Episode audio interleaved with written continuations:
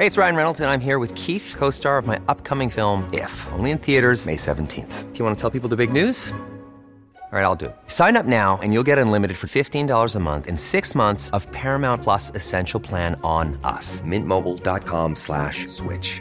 Upfront payment of $45 equivalent to $15 per month. Unlimited over 40 gigabytes per month. Face lower speeds. Videos at 480p. Active Mint customers by 531.24 get six months of Paramount Plus Essential Plan. Auto renews after six months. Offer ends May 31st, 2024. Separate Paramount Plus registration required. Terms and conditions apply if rated PG. Cool fact a crocodile can't stick out its tongue. Also, you can get health insurance for a month or just under a year in some states. United Healthcare short term insurance plans, underwritten by Golden Rule Insurance Company, offer flexible, budget friendly coverage for you. Learn more at uh1.com. Hiring for your small business? If you're not looking for professionals on LinkedIn, you're looking in the wrong place. That's like looking for your car keys in a fish tank. LinkedIn helps you hire professionals you can't find anywhere else, even those who aren't actively searching for a new job but might be open to the perfect role. In a given month, over 70% of LinkedIn users don't even visit other leading job sites. So start looking in the right place. With LinkedIn, you can hire professionals like a professional. Post your free job on linkedin.com slash achieve today. Skjut från höften. Ja, Jag sa alltid till Niva när vi hade vårt gamla tv-program, nu är som bäst när du skjuter från höften. Loud calling. Ja. Vilket jävla program alltså. Ja just det. Jävla kalsonger. vad fan var det? Loud calling. Fan, den satte sig. Ja, jag har blivit påminn nu den här podden Kriget på pressläktaren. Ja, jag träffade en jävel på tåget som Ja. bara, eh, du är loud frågade han. Ja, ja för fan, du vet vad jag har? Jag har en av dina kalsonger. han har fått eh, vunnit en utlottning här för 15 år sedan. Det är stort ändå alltså.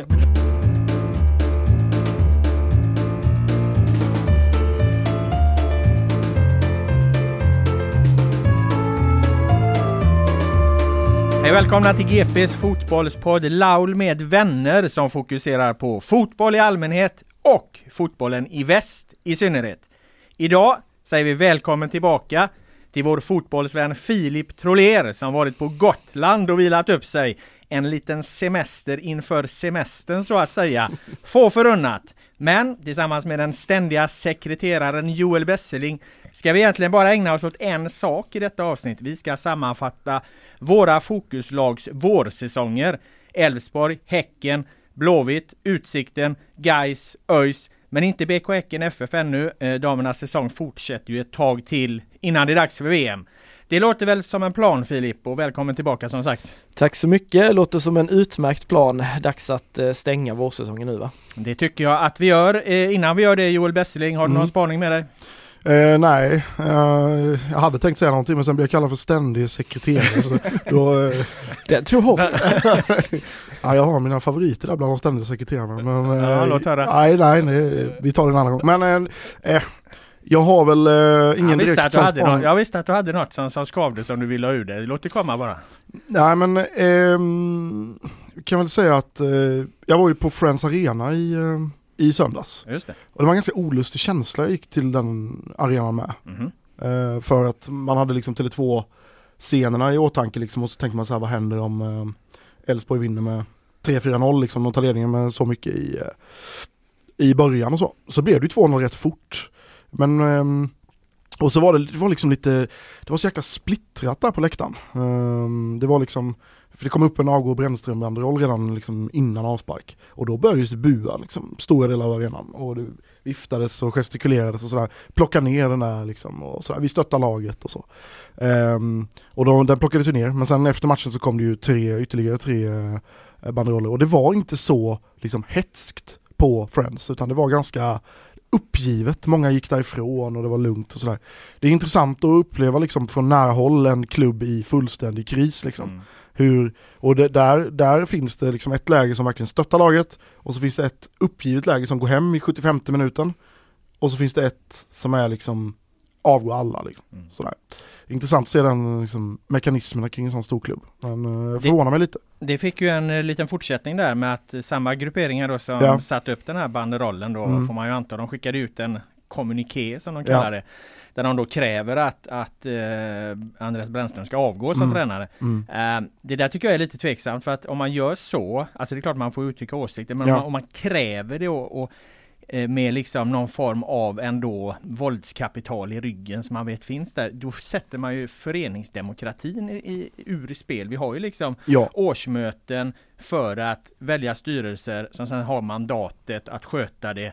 Och då kan ju inte liksom en gruppering eller ett par då sätta sig över det. För då är det ju ingen idé man har eh, årsmöten och, för, och, och föreningsdemokrati. Nej, liksom. och precis den argumentationen såg jag på, liksom, på Twitter igår, liksom att AIK, eh, eh, många andra AIK hade liksom att vad är det här för kommuniké liksom. Mm. Men det som förvånar mig, vi ska inte prata AIK jättelänge, men det som förvånar mig är att eh, Andreas Brännström är kvar i AIK tre dagar efter, när vi spelar in här, tre dagar efter eh, Elfsborgsmatchen. Det förvånar mig väldigt mycket. Men eh, ja, det var en liten eh, halvspaning där som jag tog upp, sköt från höften. Mm. Vill du, du lutar dig framåt eh, och Nej. sög in syre Filip? Eller- nej, nej, jag hade väl inte så, men Berntsen verkar ju tro på Brännström här. Jag, jag tillhör väl det läget som kanske är tveksam till att, eh, att han får gå till och med. Att Ja. de, eh, han verkar vara väldigt stadig i, i Ja. benen, Berntsen liksom. Så jag tror kanske att Brännan kan, kan hänga kvar, att de, de gör om här ordentligt då i spelartruppen istället och att man Ja, Han behöll ju, vad heter han, Stefan Billborn i, i, i Mm. Eh, Sarpsborg där, åtta raka förluster. Han fick ändå vara kvar. Så att det, Precis, det är bra han- om vi ja. kan se en lite attitydförändring här med, Ja, med att det hade varit man lite- inte håller ja, på att precis. sparka folk hela För- jävla tiden. är han kvar på måndag, då blir han kvar. För då börjar de ju träna igen. Mm. Liksom. Mm. Det finns ju ingen som helst anledning att liksom, dra ut på det. Så eh, det är väl den här veckan ut liksom som ehm, jag tyckte att, eh, ja, eh, Fotbollskanalen intervjuade Robert Falk där ordförande efteråt och mm, där kanske inte riktigt samma, var min bild i alla fall, samma grundmurade förtroende för Brännström. Nej, men Så han att- är rätt svag Ja, den jo. här AIK Jo, det har ju varit, alltså, det ska eh, gudarna veta. ja, alltså, han, var ja. ju, han var ju, jag var ju ordförande redan på den tiden jag jobbade med AIK där uppe och det, det är liksom ingen man som in, inger något starkare förtroende så. Men han har ju hankat sig kvar i många år. Ja, ja precis. Ja, Ja, vad fan. det var en halvspaning. ja bra, Mm. vi lämnar AIK och Joel Jag, jag har en liten spaning Alltså du har också en spaning? fast Vad helvete alltså. Ja, men var jag vet inte fasen, nej ja, precis. Eh, Varför spelas inte allsvensk fotboll på, i, i Visby? Mm. det var det jag Mm. hade. Nej, nej, nej, jag har en spaning lite, det är inte så mycket kopplat till den senaste omgången utan lite mer eh, apropå tränare och så här. Eh, jag vet inte hur intressant det här är men känns det inte som att fler tränare den här våren har öppet liksom sågat sina lag? Finns det inte en liten annan attityd efter matcherna? Jag har studsat till många gånger så här. Tidigare har jag tyckt att Eh, men att man har försökt sminka över, alltså mycket varit så här gulligullan, man ska skydda sina spelare in i det. Det känns som att det bara varit Bosko som har sågat sina, liksom, Mm. sina spelare de har gjort dåliga. Men jag tycker flera gånger här, man har Brännström har vi hört flera Ja. gånger. Eh, finns fler exempel i, i Allsvenskan, men i Superettan Christian Järdler när jag var uppe och så ÖIS Örebro där, han bara dödade Mm. liksom sitt egna lags insats. Jag tycker det är en lite annan, eh, ärligare attityd och jag tycker, jag, jag det är lite uppfriskande, jag gillar det. Jag vet inte om ni, när ni tänker på det, om ni har någon uppfattning om det. Jag tänker så här att, att eh, det kan vara bra, ett bra ledarskap ibland när det verkligen är, är, är, är eh, motiverat och så men det finns det finns, jag minns särskilt när Soran Lukic, gamla Djurgårdstränaren som var väldigt framgångsrik tillsammans med eh, Sören Åkerby. Eh, deras delade ledarskap var ju att, att Snuffe då, Åkerby, han liksom var peppande och Soran var lite sågande, såga, sågade ofta och så här och hårdare och så. Sen eh, när Soran kom tillbaka som ensam huvudtränare, då fortsatte ju han med den här liksom retoriken att han, han sågade Djurgården och det var ett år det gick jävligt dåligt för Djurgården. Och då blev det liksom att han stod och skällde på dem som en bannhund eh, till dem och i medierna och dömde ut dem efter noter i match efter match efter match efter match. Och då funkar det liksom Nej. inte. Utan det är nästan, nästan så att att eh, såga, det- det får vara ett lag som är mer framgångsrika Mm. än dåliga för annars blir det, annars måste du såga dem varenda jävla match och då blir det destruktivt och Ja. kontraproduktivt tror jag. Och då, jag vill liksom, jag är far, far inte efter att jag vill se massa individer sågas eller så, och, utan jag känner mer att det har varit Eh, ja men det behöver inte vara hårda ord, det behöver inte vara att de är värdelösa så, men att det har varit mer ärlig Ja. liksom om hur matcherna har sett ut liksom. Eh, Degerfors trä, alltså det är klart eh, när de har förlorat stort här nere i Göteborg, man kan inte säga så mycket annat då. Men jag tycker att det har varit mer sminkande från tränarhåll tidigare säsonger. Nu har det varit lite mer ärligt Ja, och öppet där man har kunnat säga saker utan att vara urballad liksom. Och, och det tycker jag, Jeffrey har vi här också, han har varit tydlig med ÖIS problem vid, vid flera tillfällen utan att liksom balla ur på något sätt. Kan det vara så här att vi har att göra med skickligare retoriker? Kanske. Alltså, så att, att om du är duktig på att prata och uttrycka dig, då vågar du, då behöver du liksom Mm. inte vara försiktig utan då vågar du uttrycka dig för du vet att jag kan hantera den här kommunikationen utan att den slår över och det håller jag med dig om. Det är ju positivt. Kan Ja. man på ett skickligt sätt förklara vad som verkligen har hänt utan att vara så jävla rädd för det. Precis. Och det handlar ju ofta om att man är bra, bra på kommunikation Mm. Så bra uh, summerar du, det var lite så jag menade liksom. Vi ska börja uppifrån helt enkelt med västfotbollens bästa lag denna vår. Eh, givetvis då IF Elfsborg. Det trodde vi kanske inte när vi stod här i vintras. Eh, att Elfsborg skulle vara något av vårens lag i svensk fotboll, även om vi väl alla höll eh, Elfsborg ganska högt i våra tips. Eh, frågan är då Joel Besseling, är det en 5-4 vår de har gjort? Är det full pott för den här våren till Elfsborg? Um, jag funderade på det här innan um, och för att få fem, fyra så tänkte jag att ah, men då måste man nog vara serieledare.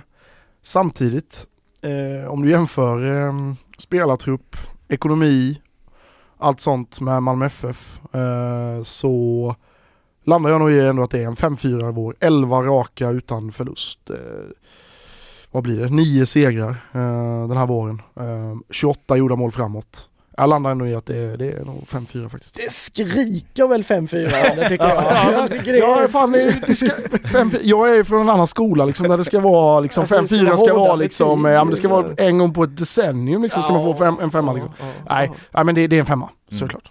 Eh, ja, det går inte att göra så jävla mycket bättre helt Nej. enkelt. Nej, nej det är klart att, eh, De har slått Ja. Malmö FF hemma Ja. med 3-0 Ja. också liksom. ja precis. Eh, eh, oavgjort borta mot Varberg visserligen, ja, som vi tog sist, ja, men det var andra omgången. eh, Nej men det är klart att, nej, men det är en 5-4 vår, helt klart. Eh, jag tänkte ge dig det ärofyllda uppdraget Filip att eh, om det finns något negativt att säga om Elfsborg den här, här våren, eh, ditt eh, skarpa analytiska öga. Har du sett någonting som, som inte har varit bra så vi får lite balans i den här diskussionen också? eh, Nu är Besseling brer på. Ja precis, jag, jag fick ju hjälpa honom att gå på lite här så nu ska jag alltså ta ner det här. Det blev, eh, alltså, Det är faran med att troget det- följa ett manus. Nej men jag, alltså vad ska man hitta för, för negativt? Det är, väl, det är väl de första omgångarna där, där det såg lite trevande ut liksom. Sen tycker jag inte, de gjorde ju ingen eh, dålig match mot Häcken i premiären heller och, och mot Varberg så fanns det ju ändå så att de kunde ha, ha, ha vunnit den matchen. Eh, så nej, alltså har du, har du nio segrar, eh, de, det var väl nästan någon slags klubbrekord då eller? Ja, det, ja precis, det råder lite oklarhet kring Ja det är så, ja, men, Men, eh, alltså vad, vad, vad fan ska man hitta då liksom? Jag, nej, eh, det, det är väl snarare när man blickar framåt mer kanske där Mm. det finns lite frågetecken men det kanske vi ska återkomma till. Men jag, nej jag kan faktiskt inte peka ut något så som jag känt varit en direkt svaghet liksom när spelare har försvunnit så har andra klivit fram och alltså eh, Bernhardsson var borta ändå Mm. så flyter det på, Ockel Mm. steppar ut, alltså och den här anfallspositionen som vi var liksom snackade så extremt mycket om in, inför och i början med Frick och Gudjonsen och, och Kupola, vem skulle liksom vara nummer, alltså jag tycker ju ändå de har de har fyllt, du behöver inte, i alla lag behöver du inte ha en suverän nia som bär laget med målskyttet och sådär utan Gudjonsen som du var inne på, jag lyssnade ju på er när jag var på, på Gotland att, att, att han har ju lyft med Kassem Ja. nu liksom och spelmässigt så nej alltså vad, vad ska man säga? Jag, jag, jag hittar faktiskt inget, inget tydlig negativ punkt. Jag får nog överlämna det till Mr Elfsborg här eh, i så fall. Nej, men, ja, för jag tänkte på det Joel. Eh, det som du pratar väldigt mycket om inför säsongen, om vi ska ta upp något konkret där, det Mm. var ju den här liksom mittfältssituationen Mm. där. Du, du var ju Mm. inne, de behövde värva och allt så här. Och jag menar, det var ju inte fel i sak. eh, Men de har ju liksom ändå löst den där ekvationen eh, under resans gång på ett lite oväntat sätt också. Ja men på ett väldigt oväntat sätt och ehm, Ja, alltså jag var liksom bara för eh, tre veckor sedan innan de lyfte upp, innan satte in Kassem som tia och flyttade ner Beidou så var jag inne på att ja, men, de, de behöver verkligen, verkligen, verkligen en, en central mittfältare. Ehm, och det ser inte jag som, alltså jag menar Marcus Rodén, skulle han vilja komma hem? Det är klart att han ska in. Men eh, det är inte alls det akuta behovet eh, längre för att Ahmed Kassem har gått in och spelat tia som om han inte har gjort något annat. Nej. Alltså han är jätte, jätte, jättebra. Eh, och Beidou är ju, han är en 3-4 spelare skulle jag säga, eh, som liksom åtta på det mittfältet. Eh, men eh, duger gott och väl, mycket, mycket bättre än framförallt Noah Söderberg, men även bättre än Emanuel Boateng eh, på den positionen tycker jag. Så att ehm, de har löst det åt sig själva och de blev tvingade att lösa lite grann. Hade inte det varit sånt skadeproblematik inför den här matchen mot, eh, jag tror det var Värnamo, så hade ju inte Kassem spelat där Mm. än. Det är jag ganska säker på. Och Kassem har vi pratat väldigt, Ja. eh, väldigt mycket om hur, hur Thelin, Jimmy Thelin, managern och tränaren hittade den här rollen för honom. Ja. Så Jimmy Thelin, är han eh, vårens tränare i Allsvenskan? Ja, helt klart. Alltså inget snack om saken med tanke på att vilka pengar och vilken trupp Henrik Rydström har. Och jag menar Högmo. Eh, Olof Mellberg tänkte jag Ja, mest på liksom i ja, Brommapojkarna. jo visst och även Haglund liksom i, i Halmstad får man ju lyfta liksom. Men ska man, ska man säga Olof Mellberg i Brommapojkarna? Eller är det Egelmark? Han är för Alltså, mycket i Champions League. Nej, nej, nej. Studio, Nej fan, det har ju uppenbarligen lyckats ändå. Men eh, vem är huvudtränare? Alltså, Ja, det Mellberg. eh, ja, men det är ju Egelmark på pappret liksom. Ja, ja. Eh, eller Engelmark. Eh, så att, eh, Nej men jag, jag tycker, till, jag tycker Thelin, alltså även om de, eh, båda de två nykomlingarna har gjort eh, otroliga vårsäsonger Ja. här så eh, liksom summa summarum så det Elfsborg har presterat och den fotboll Elfsborg har spelat så, så tycker jag att Jimmy Thelin är, är, är, kanske inte självklar men han är ändå, för mig är han vårens tränare. Ja, och eh, jag menar Högmo, de har ju ändå förlorat tre matcher Häcken liksom. Eh, Elfsborg har bara förlorat en. Mm. Så Ja, att, nej eh, det är ju BP-duon som utmanar där ja, tycker jag. ja, Ja, det tycker jag också. Ja. Eh, vi ska blicka framåt där kring eh, Elfsborg här. Eh, ni nämnde det där vad som händer i, i transferfönstret för det blir viktigt för Elfsborg precis som för alla andra eh, klubbar. Det blir ju lite röra blir det ju ändå när Ondrejka, eh, Jakob Mm. Ondrejka försvinner då som har varit eh, extremt viktig. Eh, v- v- v- eh, vad tror du händer i det här fönstret liksom? Vad, vad, vad måste de göra? Vad kommer de att göra? Ehm, de kommer nog värva en ytter. Mm. Eh, En ren ersättare för Ondrejka eller? Nej, det tror jag inte. För det snackas ju mest om den här Camille Jebara från, från Landskrona Boys och jag menar det är ju Visst han är 20, han är liksom inte 17 som Ondrejka och Kassem var när de kom till Elfsborg men eh, han har inte gjort eh, liksom massa poäng i, i Superettan så, så han är ju absolut ingen som kan gå in och ersätta Ondrejka. Eh, däremot så liksom eh, kommer han, om han kommer då så finnas tillgänglig liksom som eh, inhoppare för att de hoppas ju att Alexander Bernhardsson ska tillfriskna. Eh, och jag håller fast vid att Alexander Bernhardsson har kvaliteter att göra en lika bra vår som, eller höst som Ondrejka ut vår. Nu, alltså poängmässigt. Så då gör de inte så mycket då tror du? Du tror inte de tar in någon ny nia heller? Med Frick vet man ju inte. eh, hur- nej han är när väldigt, tillbaka, eh, liksom. nej men han är ju, han är ju tillbaka men han kan ju aldrig spela liksom. Nej. Mer än en halvtimme åt gången. Men det konstiga med Frick är att han har varit bra varje gång han har spelat den här säsongen. Och han har, han har blivit inbytt och utbytt tre gånger. Mm. Alltså det måste vara slags rekord. Det måste definitivt Ja, det har ju rekord. blivit en mycket större möjlighet till det nu med fem byten liksom. Mm, mm. Eh, det var ju, alltså det hände ju knappt när det var på tre byten. Eh, men ehm, Men ta in en Så- riktigt bra nia, då, är du, då går du för guld. ja exakt, alltså Filip säger intressanta saker där. Eh, du behöver inte en riktigt bra nia och sådär. Jag är också lite så här funderar på det för när Elfsborg kom liksom tvåa 2020 och fyra 2021 liksom, då var det Frick som spelade där och han gjorde rätt mycket poäng då. Men han var inte den här liksom Jeremejeff, Benny Traoré eh, liksom typen eh, så.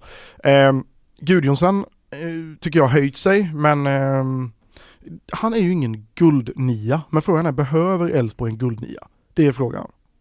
Ja, Det handlar ju om hur laget Ja. fungerar som helhet, alltså eh, men då måste ju Bernhardsson kliva fram och Ja, göra poäng. För det räcker måste ju inte med Ockels nej, nej, om nej. inte Gudjonsen gör poäng. Nej utan Bernhardsson måste ju vara ju- hel ja. och då, då kan man ju känna lite med hans skadehistorik som har varit under många år nu Ja, så kan man ju känna att det är lite, lite vanskligt där Mm. liksom att då kanske man ska kompensera med att Mm. ta in en riktigt bra nia Eh, och Jebara då som är väl en ganska flexibel spelare Mm. kanske, eh, han är ju jävligt duktig, har varit jävligt Mm. duktig i Superettan så, så, så ehm, ja. men det är jävligt svårt att hitta en, en nia som alla, kan alla göra... vill ha. Alla vill ha det. Alla vill ha det, en sån som kan liksom eh, vara eh, bäst i pressspelet och ändå göra tio mål på en höst liksom.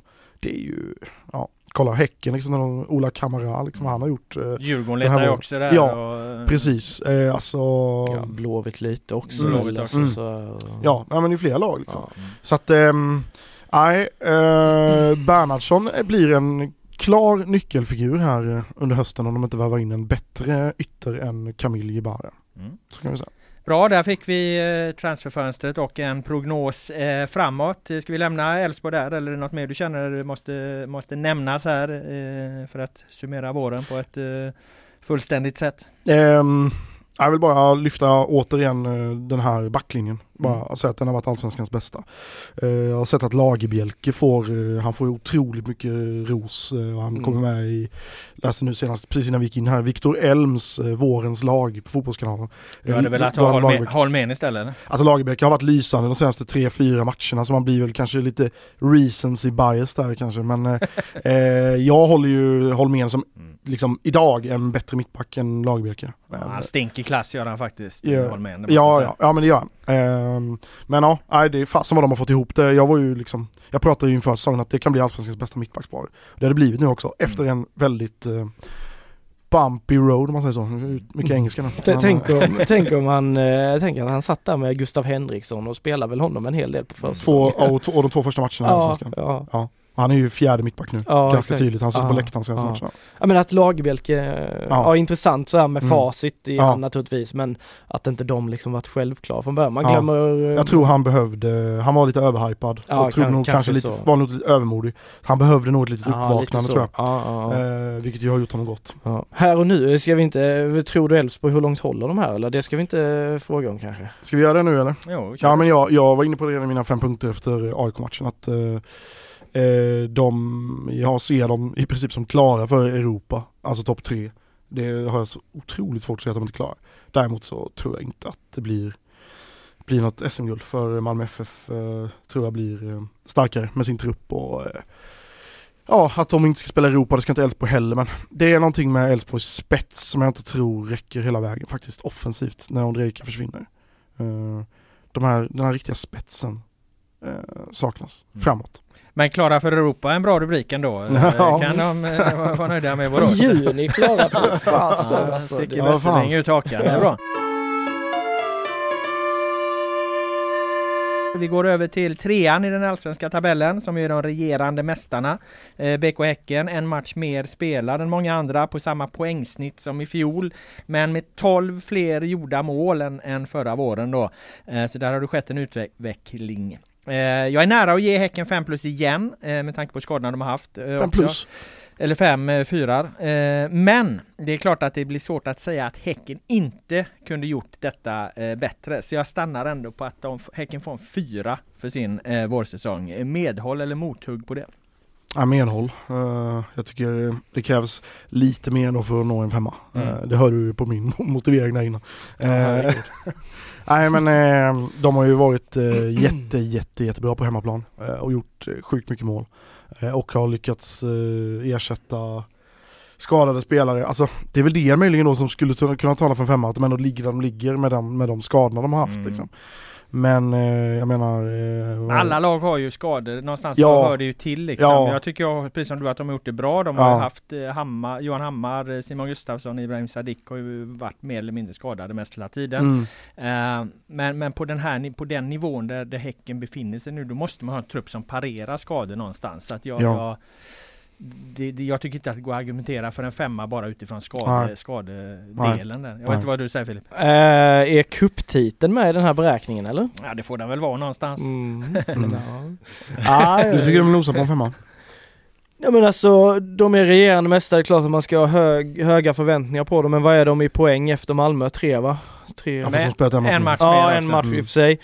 Men... eh, Så poängsnittet blir ju klart eh, de har spelat en, där. en fotboll som är bland, eh, på, på hemmaplan, kanske det mest underhållande fotboll jag har sett i Allsvenskan i modern tid typ. Mm. Eh, och de har då hanterat alla de här skadorna så jag tycker inte det vore fel.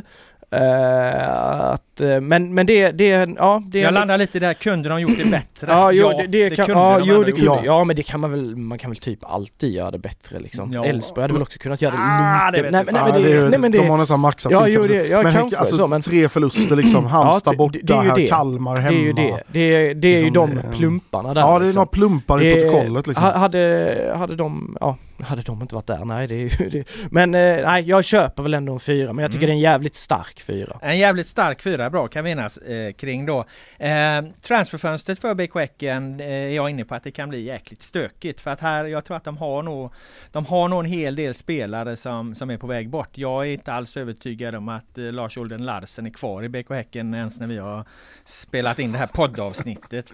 Det är så pass alltså? Nej men jag tror att han stod och kastade sin tröja till, till, till fansen där och Häcken har ju lovat nu att komma med ett svar kring hans framtid. Skulle skulle vara att de skulle förlänga eller skriva kontrakt med honom på något sätt. Då hade de väl löst det. Det har väl varit klart igår liksom. Mm. Eh, jag tror att det är något på gång där. Jag tror att han, jag tror att han lämnar. Jag, Benny Traoré, Benny Traoré litar inte riktigt på när han, när han liksom pratar om att han är motivationen att spela Champions League i 100% eh, att det skulle hålla honom kvar. Han har gjort, han är, vad fan är han, 22 år och har gjort 12 mål liksom. Ja, det, det, det, är andra det kommer in och klubbar och rycker. Eh, Romeo Amano har varit så otroligt bra sista tiden här nu. Han är 19 år liksom och spelar på den nivån där. Det kommer dras i honom. Jag tror att Häcken gärna skulle få till en sån här spekulationsförsäljning på typ Momo Sonko som är 17 år liksom och kanske dra in en helvetes massa pengar. De säger liksom inte nej om det blir en stor affär där. Eh, sen kan inte de få lika mycket som, som, eh, som Malmö för Larsson för de har inte den omsättningen och alla de här bitarna. Men skulle ändå kunna få rätt mycket att sälja på ren liksom talangspekulation. Samuel Gustafsson, jag menar han ordinarie svensk landslagsspelare vad händer där och så. Sen så vi kan inte svära på exakt hur det här blir i förhållande till deras eh, kval till Champions League och så. affärerna kanske inte görs direkt nu. Nej. Utan det kanske går om de missar ett eh, Champions League. Då, då är ju spoilarna å andra sidan låsta från att vara med i Champions League om jag har förstått det här rätt. Liksom. Så att, ja, det, det, eh, eh, slutsatsen är att jag tror att det kan bli ett, rö, en, en, ett rörigt transferfönster för Häcken helt enkelt.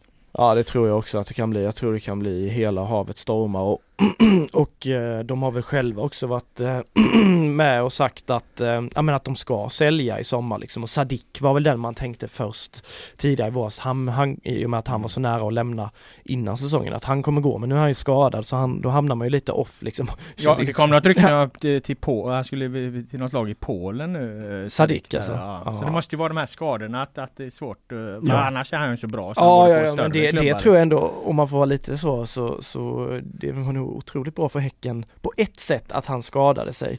För då, känslan är ju ändå att det finns en ganska god chans att han är med i höst då. Mm. Eh, Rygaard tror jag inte kommer gå, Simon Gustafsson kommer ju vara kvar. Mm. Eh, Olden Larsen är jag lite, jag är lite förvånad, alltså för nu har han äntligen, eller förra året var han ju bra, han var en bra joker under hösten. Den här säsongen har han ju varit en allsvensk stjärnspelare, verkligen lyft till de här nivåerna som, ja men Rygaard och Samuel Gustafsson, alltså han har ju varit en, en klassspelare. Att jag är lite förvånad att de inte hittar en lösning där liksom att, mm. att han, är, är det han som då är så sugen på att dra vidare redan? Ja, jag, en, jag vet eller... inte men något är på gång liksom. Han står där och kastar sin tröja ja, och gör handhjärtan till klacken och ja. alla tolkar det som ett avsked och sen så, så Häcken säger att det kommer komma ett besked. Ja, nej, det... Så att allting, det, det ligger i farans riktning som juristerna säger ja, att det är något på gång där. Det kanske är att de ska drämma till med en fyraårsförlängning och vill liksom uh, hålla oss på halster men jag vet fan alltså. Varför ska han och kasta sin tröja nej, till klacken nej, i så fall? Nej, tröjor röstar de inte med i Allsvenskan. Alltså de, nej, de får ju inte kasta bort sina tröjor. Jag såg att Ondrejka gjorde det också. Eh, Eh, det var ju första gången liksom en Elfsborgsspelare gjort det den här våren liksom. Mm. Eh, men han ska ju också dra så att, nej ja, det, är, det är ju kanske någonting att Är det de höga räntorna som gör att de måste hålla ner på tröjorna eller vad? Nej men det är väl, de får ju inte så många tröjor per år nej, allsvenska klubbar. Det är inte som i Premier League där de får två nya tröjor till varje match. Liksom. Det, men och Traoré tror jag också, fasen alltså herregud, och gör ja. du så mycket nej, mål som han gör en, den åldern. Mm. Och där kan ju, vi snackar ju bud som skulle kunna vara uppåt en 50 miljoner eller någonting, kan jag tänka mig eller? Ja, kanske. Jag vet inte hur långt kontrakt han har, jag är inte uppdaterad på den. Eh, nej, han har väl, eh, vad, nu vet inte jag heller det exakt, men jag skulle tippa på att han kanske har två år kvar. Ja, någonting. Så ja, visst, det ja. finns uh, pengar, men samtidigt är han ju icke EU-spelare och så, så det brukar ju dra ner prislappen lite, lite grann. Just så 50 tror jag blir svårt, men, men det, absolut. Det är, väldigt, 30. är det inte väldigt ovanligt att spelare som gör över 10 mål en vårsäsong, som inte är liksom alltså som är under 27, mm. blir kvar hela jo, säsongen. Det alltså det är väldigt ovanligt. Mm. Men uh, ja, nu var ju Jeremejeff lite äldre men om det är någon klubb som har klarat av att behålla en sån spelare så är det ju Häcken. Mm. Eh, allt det här då gör att min prognos framåt för Häcken är också blir lite skakig så. Det, det, det, de kommer gå in i en period med, där väldigt mycket kommer handla om hur extremt mycket matcher de eh, kommer ha. För nu rullar ju det här igång den 11-12 juli där med, med Champions League-kval och sen får man ju se hur det går och så blir det Europa League-kval och Europa Conference League-kval och sen får man se om de går ut i Europa då, vilket ju vore fantastiskt för klubben på alla sätt och vis. Men det kommer bli väldigt, väldigt mycket matcher. De spelade ju väldigt mycket matcher redan i vår år här med tanke på kuppen och flyttade omgången hanterade det otroligt bra och hade framförallt en imponerande liksom approach till det. Det var ju liksom bunkerorder från Högmo att vi gnäller inte över detta utan vi ska omfamna, vi ska gilla det här läget. Det tror jag är helt rätt eh, strategi. Och längst fram i det ledet, där går ju Even Hovland. Om jag har räknat rätt så har han nu alltså spelat 53 raka tävlingsmatcher utan att bli utbytt en enda gång sedan han kom till Häcken. Han är 34 år, han har spelat 53 raka tävlingsmatcher. Varenda match, varenda minut sedan han kom till klubben. Det, det måste fan vara någon form av världsrekord. Stålmannen. Ja, helt, Ja. Helt jävla otroliga siffror ju. Jag Men han är i så min, gammal eh, också. Ja, Mm. och Rosenborg vill ju inte ge han eh, förlängt för att han var för gammal liksom. Ja. Och så kommer han och gör de här jävla siffrorna. Ja, det är Alltså, helt otroligt. Jag skrev det nu i någon eh, grej jag skrev här att han skulle skicka han till forskningen sen och liksom och utröna hur fan det här är möjligt. Han får Ja, donera sin egen kropp sen när han är klar med karriären i Häcken. ja, Nej men det är, Ja. det är, det är sanslösa siffror. Och Men på den nivån också han har spelat. Siffror. Alltså, Ja. inte bara 53 Och, raka matcher. och vi snackar konstgräs och sånt där Mm. som man brukar ibland prata lite, är lite Ja, ja. tuffare för kroppen och så. Ganska tung kropp så att säga, Ja. i och med att han är så lång. Ja, liksom. lång, stor mittback Ja. liksom så här, alltså. Helt Ja, obrydd, det- bara spelar liksom. Ja, Mm. nej, det är mäktigt alltså. Men tror ni att den här liksom, att de har bestämt sig för att gilla det? Det är ju rätt vanligt att man förlorar ett lag så gnäller de på att de spelar mycket matcher. Det har jag sett en Mm. miljard gånger i, i, Sverige. Tror ni att det betyder något det här mentala, att de faktiskt försöker intala sig att vi ska gilla det? Ja, jag tror det i alla fall. Jag tycker det brukar ju alltid vara som du säger så här på eh, framförallt när det blir guldrace och sånt där så är det ett jävla gnällande om att de spelar på söndagen och de spelar på måndagen och alltså så, så här. Eh, så, men jag tror alla sådana saker rent mentalt, fotboll är ju så otroligt mycket mentalt. Eh, Du, det handlar ju om vad du sänder ut för signaler och, och vad du själv, liksom hur, hur, hur ditt mindset är. Eh, så jag tror definitivt att det har, har hjälpt dem och, och vi har väl gjort något försök sådär och fiska lite, hur ser ni på spelschemat? Men man, man har inte fått mycket där liksom så, så eh, nej. Nej, nej, det är nog väldigt nyttigt tror jag när de går in i den här Champions League sommaren. För jag menar våren har inte varit, alltså ja de har spelat lite kuppmatcher och en extra allsvensk match men jag menar, det har inte varit, det har inte varit torsdag söndag varje vecka liksom. Men det är klart att eh, det blir mycket värre och då, det, då är det nog bra att ha den, eh, den med sig tror jag. Det är då det börjar eh, i juli. Ja. Champions League-ön Hisingen. Vi Mm. får se om, det, om den rubriken håller hela vägen. Det är sjukt att man bor på en Champions League-ö.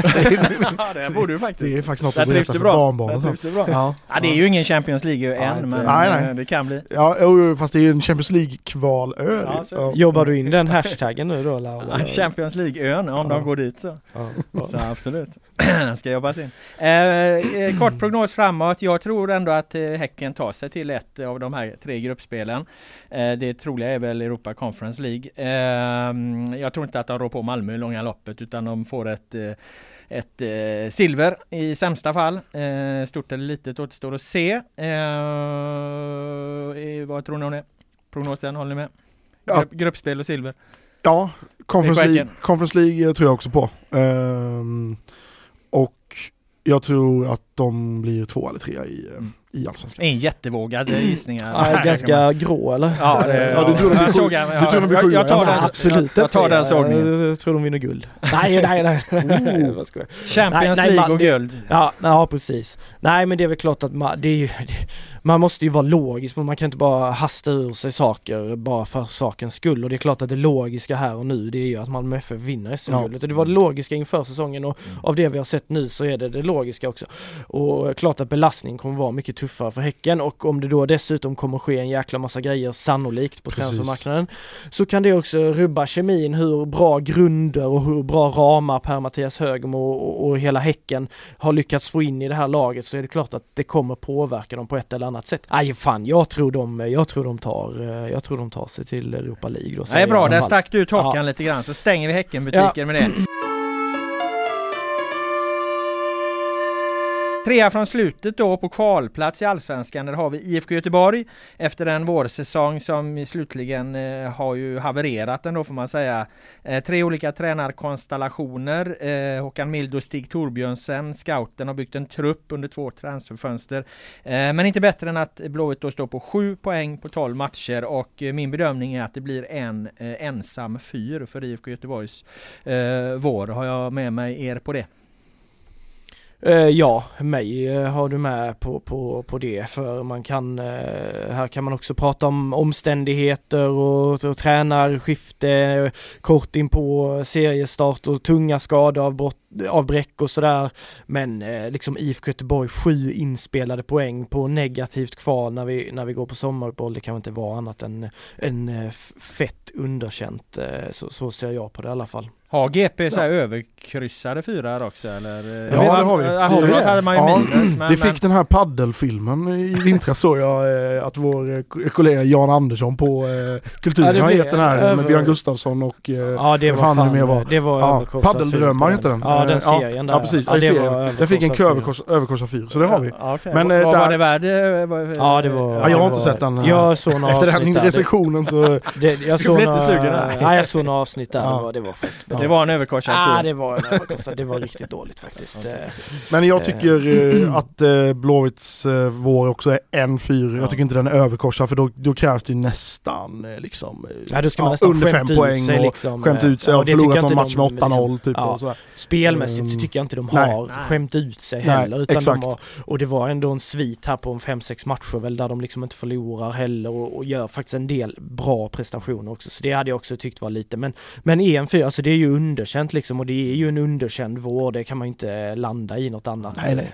Ja, resul- resultatet är underkänt. Jag tycker inte heller överkorsat det är en, en fyra som sagt. Eh, Så prestationsmässigt i många matcherna tycker jag faktiskt inte de har varit underkända. Men, men det är klart de, de, de saknar ju spets. Den, den saken är ju, är ju klar liksom. Alltså Ja. defensivt sitter de ihop ganska bra. Och sen var ju den här sista matchen mot Sirius då, den färgar ju intrycket eh, starkt. Det var ju riktigt, riktigt svag, det måste man ju säga.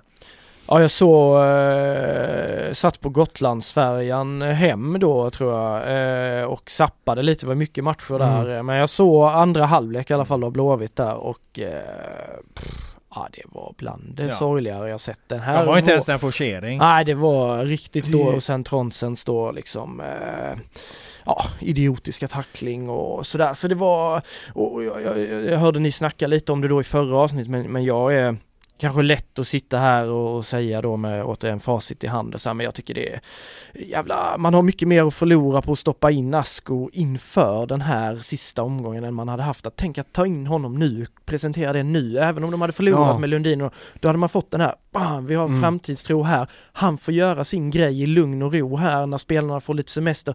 Det blir verkligen en nystart. Nu blir han liksom, nu har han varit med en, på ett litet hörn här på, Ja. på den här skiten liksom som då har varit och det blir väldigt dålig insats och, och eh, spelmässigt såg ju riktigt uselt ut och långa stunder. Fansen som har varit så stöttande, de tappade liksom, de orkar inte se den här skiten liksom och det var ju väldigt uppretat eh, på, på Mm. läktaren i Uppsala efter, efter matchen ska jag säga. Så, så jag vet inte om de fick lite panik av Mjällby-insatsen där, att de var tvungna att få ut det här liksom för att skapa den här liksom, lite framtidstro, eller om det bara inte var möjligt att hålla på det, men annars så hade jag, jag, jag, jag tycker de hade haft så mycket mer att vinna på att, att ta in honom, även om de hade vunnit med, mot Sirius liksom, så hade det ändå, det hade blivit en mer naturligt ställe också att ta nystarten på. Eh, Så jag är lite, ja, de, jag tycker de varit lite osmarta i sina drag, så, eh, Ja, ja, jag håller med. Jag- för säsongen, Jag vet inte ganska märkligt. exakt eh, vad jag sa förra veckan men jag har också tyckt att tajmingen är lite märklig. Mm. Men det är ändå konstigt att de gör sin, detta var ju deras spelmässigt, var det deras sämsta insats för säsongen? Det var det, ja. Absolut. ja. Helt klart. De har inte, det- jag, jag hittar inte en målchans Nej, för dem. Men nej. alltså, närmsta är väl typ Markovic som har två skott som landar i den här jävla ån som ligger bakom arenan. Fyrisån. Ja, Fyrisån.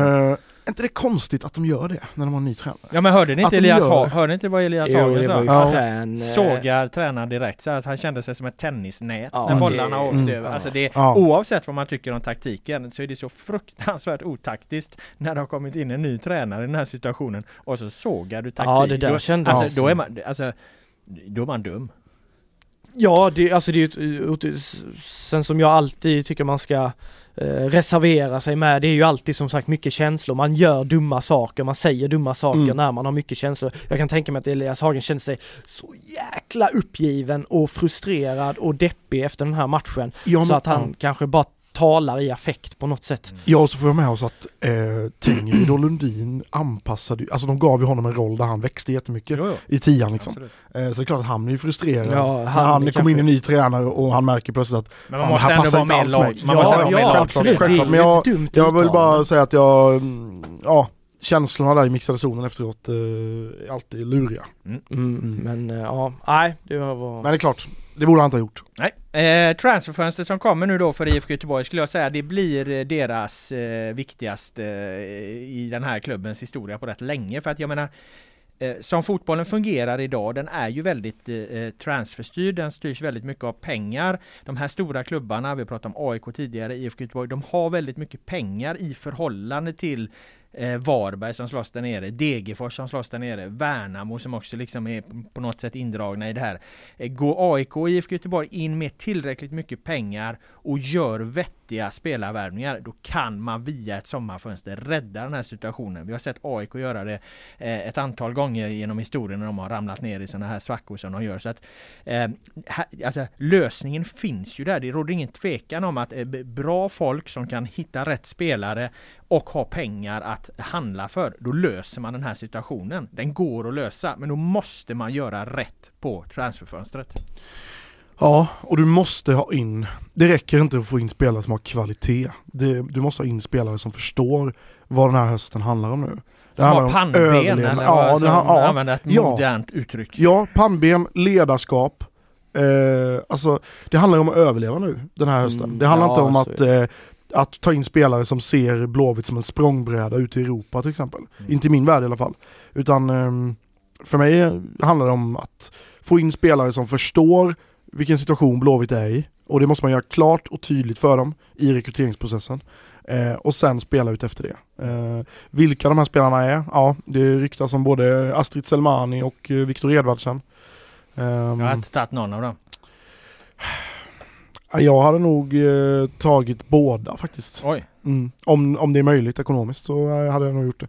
Det skickar en så pass stark signal. Jag tror att Selmani, han har ju varit skadebenägen nu när han har varit iväg här men eh, fasen hans eh, mentalitet på planen eh, tror jag Blåvitt hade mått eh, utmärkt av. Ja, alltså jag tror också man ska, man ska inte bara så här spela som är beredd med pannben utan de ska också vara, eh, kunna vara avslappnade i pressade situationer. Mm, Assi mm. Selmani är ju, eh, har ju som du är inne på den mentaliteten. Jag tror Edvardsen också skulle ha den mentaliteten. Men jag är inte säker på Selmani. Eh, ganska trubbig, Blåvitt behöver skärpa där uppe. Jag tycker mm. han var, var ju trubbig i Bayern. Ja, han kom ju till mycket chanser och sådär, mm. jobba hårt. Mm. Men satte ju inte bollarna. Edvardsen är också trubbig. Ja, det har ju varit lite så. Mm. Det har varit eh, skador då på Selmani. Blåvitt behöver absolut inte några skadebenägna spelare liksom. Eh, och sen är det väl, ja, mycket handlar också om att Asko måste ju här, eh, alltså sätta ett system också tycker jag innan Blåvitt ska börja värva här nu för nu var det väl 4-4-2 här mot Sirius mm. med, med Karlström och Berg.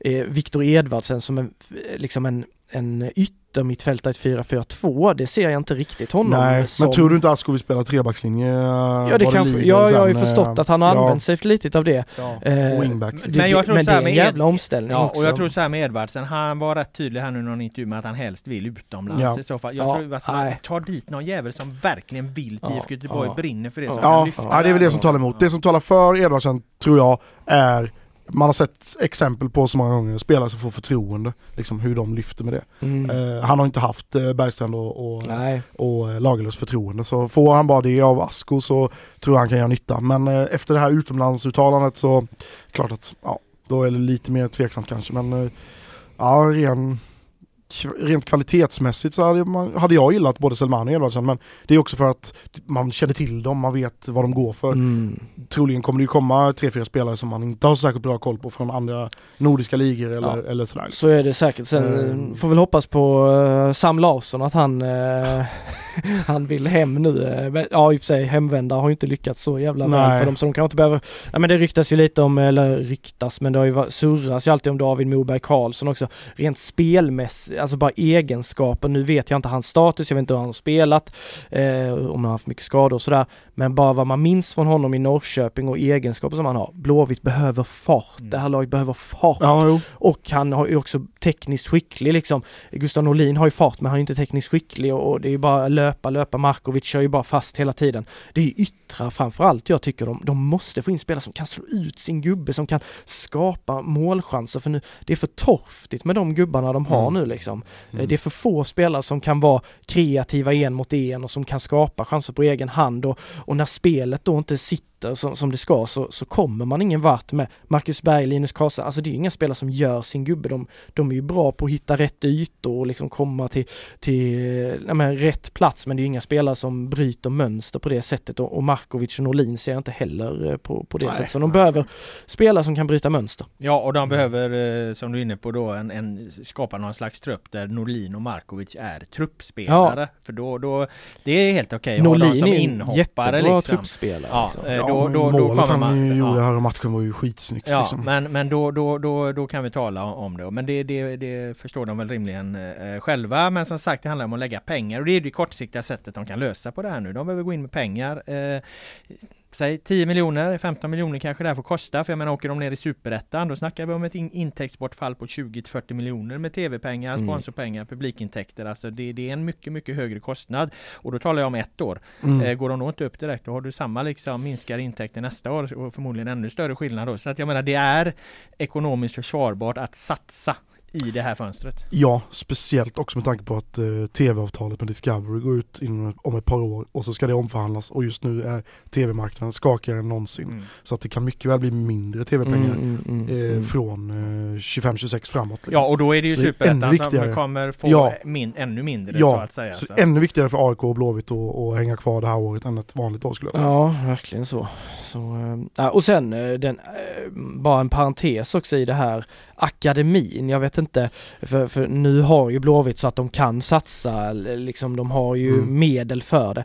Men där finns ju typ inga spelare som är säljbara i den här truppen Nej. för tillfället. Linus Karlsson absolut, men han har ju inte exploderat. Och så ser man då när de, ja, Tronsen när han kliver ner mot Mjällby istället för att Felix Eriksson eller Alai Gassem får in där. Och jag tänkte, ja men fan Asko som då har någon slags rykte om sig om att, att eh, liksom vårda unga spelare på ett bra sätt. Han väljer att spela Sebastian Hausner som så, så otroligt onaturlig ut i den här högerbackspositionen. Sen är det klart att det kanske, eh, Asko behöver mer tid för att kunna göra en liksom bred bedömning av hur, hur bra de här unga killarna är. Men här och nu känns det så, är de verkligen så dåliga? Alltså jag tyckte Felix Eriksson var jävla mm. eh, intressant på försäsongen. Jag vet att det är en sak med försäsongen, en annan sak med allsvenskan, men vad fan spelar de inte de här gubbarna för alls? Eh, ja. Jag vet inte, de har inte så mycket att förlora. Nej, Sirius fattar ju det direkt. De satte ju in, om du inte såg första halvlek, men de gick ju direkt på högerkanten. Ja, de liksom, gjorde, gör ja. sitt första mål ja, från högerkanten ja, mm, och allting. Så att, och det, det, är ju, det är ju enkel matematik såklart att om du sätter, ut en, sätter en stabbig mittback som högerback mm. så, så anfall på den kanten, överbelastar på den kanten, skapar situationer på den kanten, kommer ju första målet och då får de ju hela matchen dit mm, de vill. Liksom. Mm. Ja, ja, fan jag äh. gjorde det här jobbet på lägret med alla nya, nya generation blå Blåvitt, Selvén har lämnat, Kurochkin har inte gjort en minut, Kåhed fick hoppa, hoppa in nu,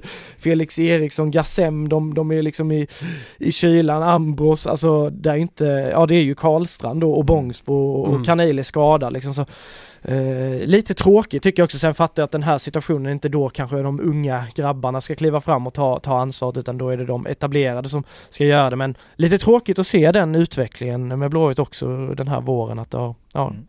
Om, ja, om transferfönstret då är den kortsiktiga lösningen så är ju prognosen framåt då, eh, och då snackar jag lång tid framåt, det är att de måste börja tro på varandra mer i den här eh, föreningen. Alltså Håkan Mild kan inte hålla på och sparka folk till höger och vänster.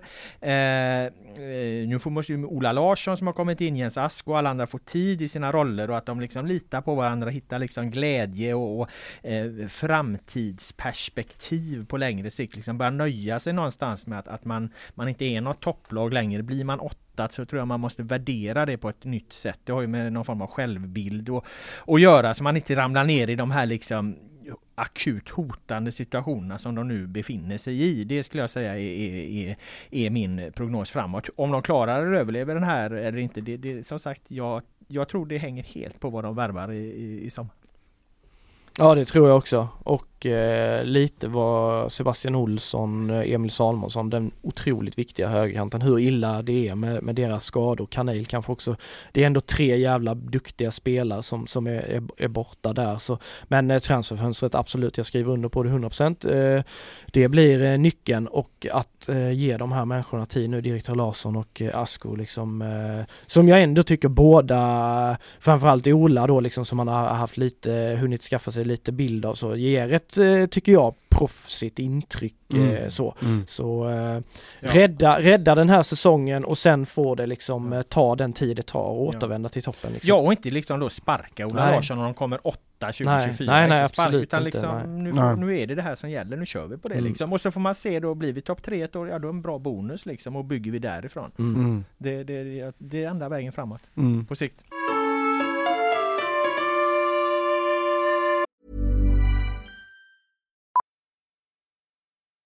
Millions of people have lost weight with personalized plans from Noom, like Evan, who can't stand salads and still lost 50 pounds. Salads, generally, for most people, are the easy button, right? For me, that wasn't an option. I never really was a salad guy. That's just not who I am. But Noom worked for me. Get your personalized plan today at Noom.com. Real Noom user compensated to provide their story. In four weeks, the typical Noom user can expect to lose one to two pounds per week. Individual results may vary.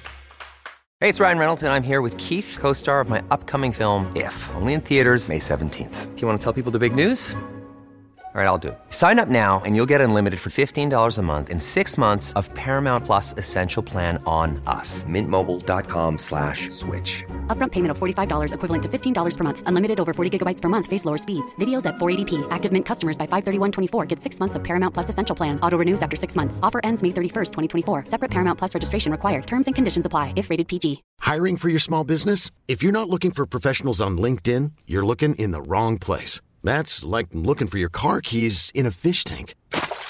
LinkedIn helps you hire professionals you can't find anywhere else, even those who aren't actively searching for a new job but might be open to the perfect role. In a given month, over 70% of LinkedIn users don't even visit other leading job sites. So start looking in the right place. With LinkedIn, you can hire professionals like a professional. Post your free job on linkedin.com slash achieve today.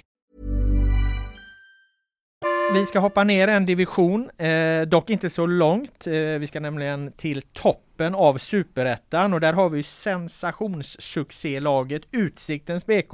Starka serieledare, fem poäng eh, före Västerås. Och Filip Troler, jag har bara två frågor till dig. Eh, vilket är ditt betyg och varför är det 5-4? ja, det är, det är sol, solklara 5-4. Alltså, jag hade fått lämna den här podden om jag hade sagt något annat än att det var 5-4. Jag hade fått eh, lämna GPs redaktion om jag hade eh, sagt att det, det är något annat än 5-4. Du ska få svara på varför där. Ja, Jag ska bara säga, ja. var, vänta, jag ska bara säga var den formuleringen kommer ifrån. Det var nämligen EM 2004. Då hade Sverige åkt ut på straffar mot Holland. Presskonferens dagen efter. Då, då reser det sig en japansk journalist upp och frågar s- Tommy Söderberg och Lasse Lagerbäck. Eh, I only have two question. Eh, did you pr- eh, practice penalties and why not? det var en otrolig frågeställning liksom. Förlorat på straffarna mot Holland. Så det var en parafras på den. Nu ska Ja. du svara på varför. Eh, nej men det är såklart lilla, lilla, lilla utsikten. Inte allra längst ner eh, tippade inför den här säsongen men väl tippade på 15 plats av den samlade expertisen och mediakåren och, och av eh, många, eh, liksom av de som är aktiva själva också. Utsikten var nederlagstippad i vanlig ordning. Den, den lilla kvartersklubben som eh, Eh, ja, de har ju inte publik och de har inte så värst många medlemmar och de har inte så starka sponsorer men eh, de har fått till det på ett, alltså Superettan ännu mer än allsvenskan handlar så mycket om, jag har sagt det tidigare, det handlar så mycket om att bara hitta e- e- ett lag som, som fungerar och sen behöver det inte vara särskilt vacker fotboll, det behöver inte vara någonting. Utsikten, de inledde säsongen med att spela otroligt tufft, cyniskt som bara den, på ett sätt som många andra kliver in i sina säsonger. Det ska vara så jäkla stora visioner och Ja. det ska vara processer och det ska vara, ja men det är lugnt, vi, vi, det här är processen, vi, poängen kommer. Utsikten började lite i andra änden tycker jag. Bosko gick in med att fan vi ska bara skövla här nu och vi ska ha in våra poäng. Och sen har de ju fått de poängen och byggde sig en stadig grund, ingen stress, lugn och ro. Och vad har vi då sett de sista gångerna? Jo, sex raka här segrar, slaktar Sundsvall med 5-0.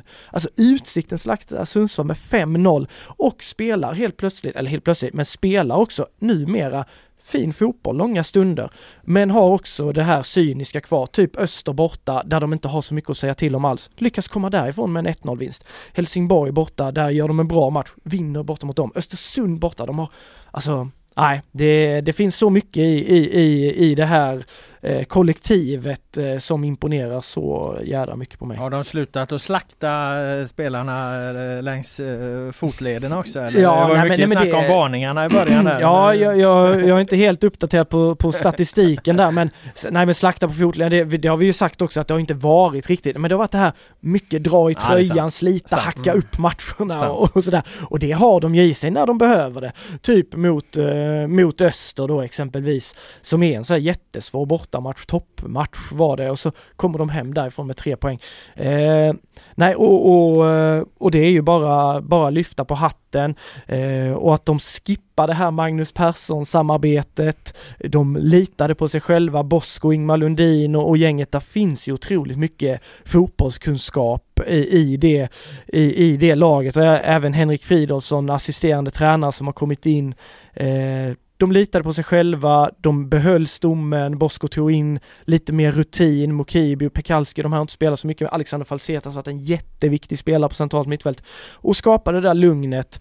Eh, och sen så har de bara fortsatt bygga på det och eh, ja, i, i en klubb där det då också inte finns den här yttre pressen, då kan det bli så här eh, jäkla bra liksom. Så eh, det finns väldigt mycket eh, av det de har gjort som imponerar på mig.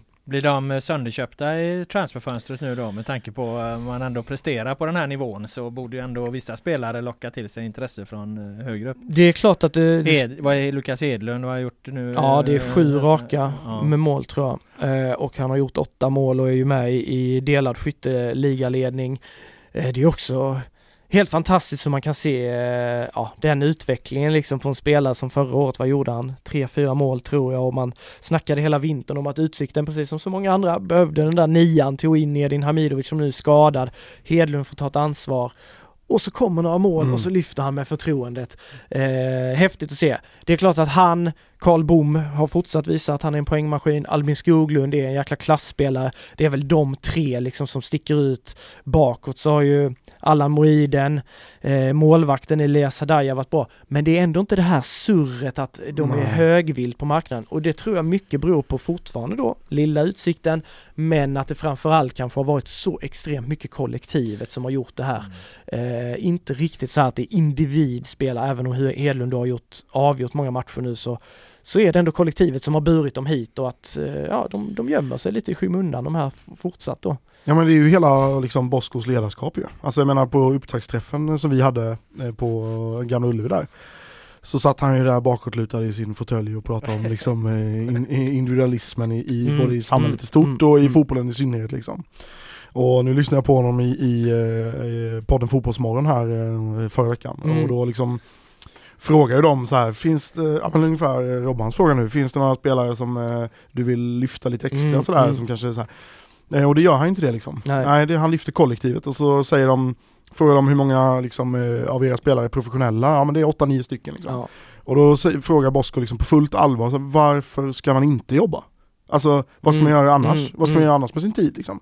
Alltså han har ju byggt en kultur i det laget som är hårt arbete först och kollektivet liksom. Mm. Och det har ju han fått med sig spelarna på. Ja, ja och det jag tror att eh, antingen får man det, eller så blir det helt pannkaka av det. Ja. Som nu är vid Gais. Ja. Eh, Bosko har ju liksom, han har ju lyckats med den här truppen att få ut eh, max av dem. Ja, på och, det så- sättet. och sen under åren i Gais så tror jag att betydligt större andel av, av truppen var liksom professionella där. Ja. Jobba, eh, Gais har ju använt lite samma, de ligger ju kvar med eftermiddagsträningar precis Mm. som Utsikten eh, den här säsongen, det Mm. gjorde de i fjol. Just för att spelare ska kunna få en annan sysselsättning. Alltså kliver du upp i allsvenskan, då har jag kanske lite svårare att och liksom, Mm. eh, då kanske man måste vara så dedikerad. Men på superettanivå, jag tror, eh, jag tror ganska mycket på det där att det, det snackas så mycket om att ja, men vi kan ha spelarna hela dagen och tillgängliga på alla tider och sådär. Ja, men eh, vad, vad gör de då med den tiden som de inte, för det är ju ofta Mm. bara en, en och en halv, två timmar du är på fotbollsplan och så kanske lite genomgångar och sådär. Sen så har de lediga dagar och där,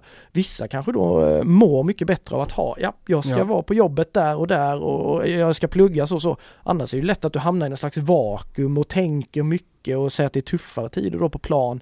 Kanske det blir jobbigt på ett annat sätt. Man behöver något Mm. att skingra tankarna Ja men precis, ibland. lite så. Alltså, Ja. eh, det, det, det, det, det är ju bra liksom att ha, jag är själv så liksom, det är inte bra nej, att, att man har hur mycket oändligt med tid och bara ligger på soffan till slut så tröttnar du ju på det liksom. Mm. Det är ju bra att ha grejer och, och hitta på och sådär och eh, framförallt då kanske på ett strukturerat sätt och i, i en sån bransch där det är så extremt mycket resultatkrav på en hela tiden också.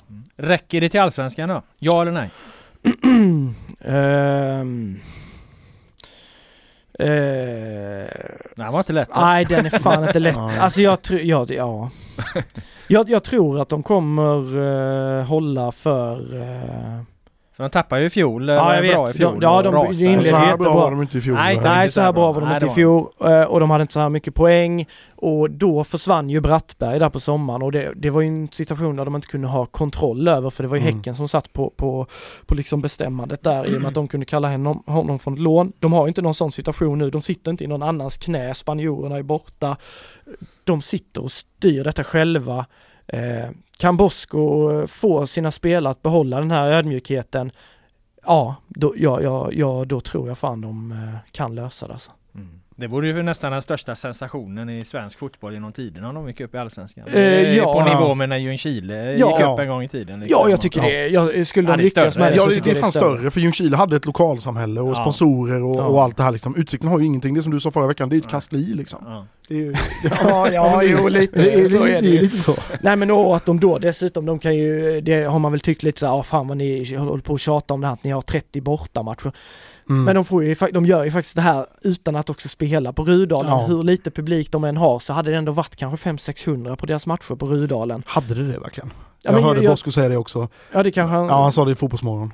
Att eh, det hade varit... Ja men nu tror du, Ja. alltså Nej, det jag är ändå i, i den delen av Göteborg jag Ja. tror... eh, Men kanske snarare allmänt fotbollsintresserad Ja, än, lite hardcore så liksom. Ja, ja, eh, ja, ultras ja, liksom. Ja, men, ja. Ja precis. Nej, nej det är klart att det inte hade varit någon stor klack eller några sådana saker. Det hade varit exakt samma. Bara att jag tror det hade varit mer fotbollsintresserad i, i liksom den delen av Ja. Göteborg som har tagit sig dit. Ja, och när kanske. de gick upp till, till superettan då var det väl ändå typ tusen pers på den matchen tror jag. Ja men det var det nog ja. Eh, så, så jag tror ändå att det finns Ja. någonting i det. Det är inte så att det hade vallfärdat folk till Rudalen. Men det är också så här som spelar, det är ändå deras hemmaplan. Där spelar de hela sin division 1 session och Kansliet är där- ligger där. Ja, kansliet ligger, ligger där och Nej men det, det, det finns ju ändå någonting i bara känslan att få vara hemma liksom. Ja, så, absolut. så eh, ja, de, det gör väl bedriften ytterligare ett hack eh, lite mer imponerande tycker jag. Mm. Eh, bra, vi lämnar utsikten där. Vi får se om, om, om det blir den största sensationen genom tiderna i svensk fotboll eller inte. Inte långt efter utsikten har vi ju och då just nu på allsvensk kvalplats. Eh, Geis eh, som ju har gjort en kanonvår på väldigt många sätt. Eh, frågan här då Filip Troler, eh, är det full pott till Geis vårsäsong också? Ja, det är det. Det är 5-4. Ja, jag tycker det är 5-4. Mm. Eh, Motivera.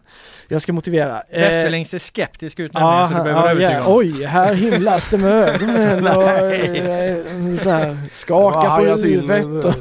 Tre femmor har vi nu. Ja, Eh, ja, jag vet. Nej men Men vad det har fan. varit en jävla vår också. Det det det, har det. Det det har fan. ju glött om eh, Ja. Gö- Göteborgsfotbollen eh, att vi har, det är ju tre riktiga topplag vi har här i Mm. form av Häcken, Gais och Utsikten.